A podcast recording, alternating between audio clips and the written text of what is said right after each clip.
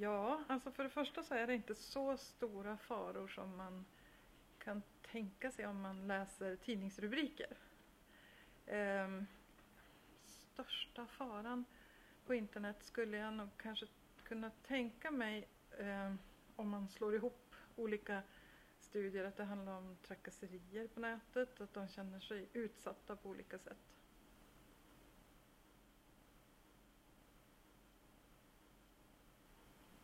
Är så många delar men kanske möjligen det är också olika för olika grupper men det är många barn som har tjänat rent socialt på att nätet finns. Eh, och att det kanske är fler barn än tidigare som har någonstans att uttrycka sig. Jag tror kanske det är den viktigaste vinsten.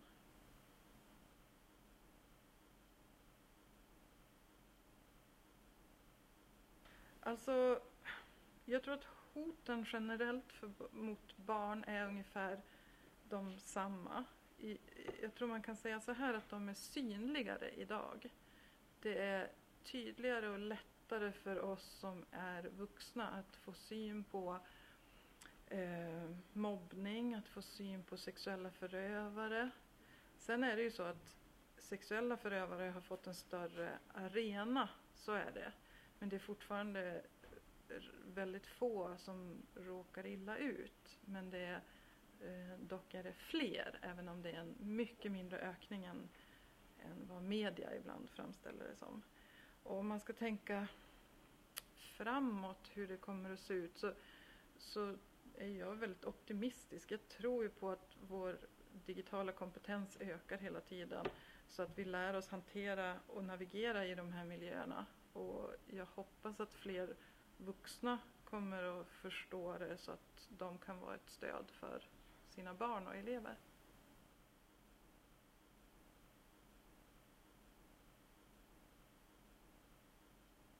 Jag tror egentligen inte att det är så stor skillnad när det gäller ålder. Jag tror mer att det är de som är ovana som användare som inte tänker på det. Då tror jag det har med alla åldrar att göra. Eh, men i och för sig skulle man kunna säga att yngre har mindre livserfarenhet och därför eh, kanske är naiva i det avseendet. Men jag tror att farorna här eh, kommer att försvinna mer och mer därför att vi börjar tänka annorlunda om det. Det kommer inte kännas som ett så stort hot att saker och ting finns kvar för evigt. För det är bara ett sätt eh, att förhålla sig som det handlar om. Hur tänker man om detta faktum? För nu är det så.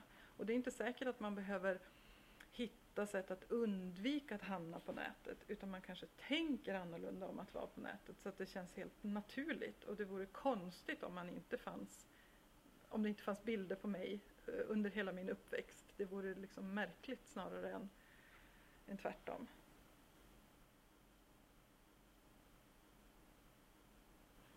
Eh, jag har intervjuat barn, eh, en och en. Och jag har intervjuat dem över nätet också så att vi har chattat intervjuerna utan eh, något annat stöd. Vi har inte sett eller hört varann. Eh, och det, det ser jag som ett sätt att ge eh, barnet mer makt över situationen. Vilket kan vara svårt i en intervjusituation annars. Att våga säga att jag vill inte svara på fler frågor eller så. Då kan de bara lämna chatten utan att behöva stå till svars för det. Det tycker jag har varit en bra metod.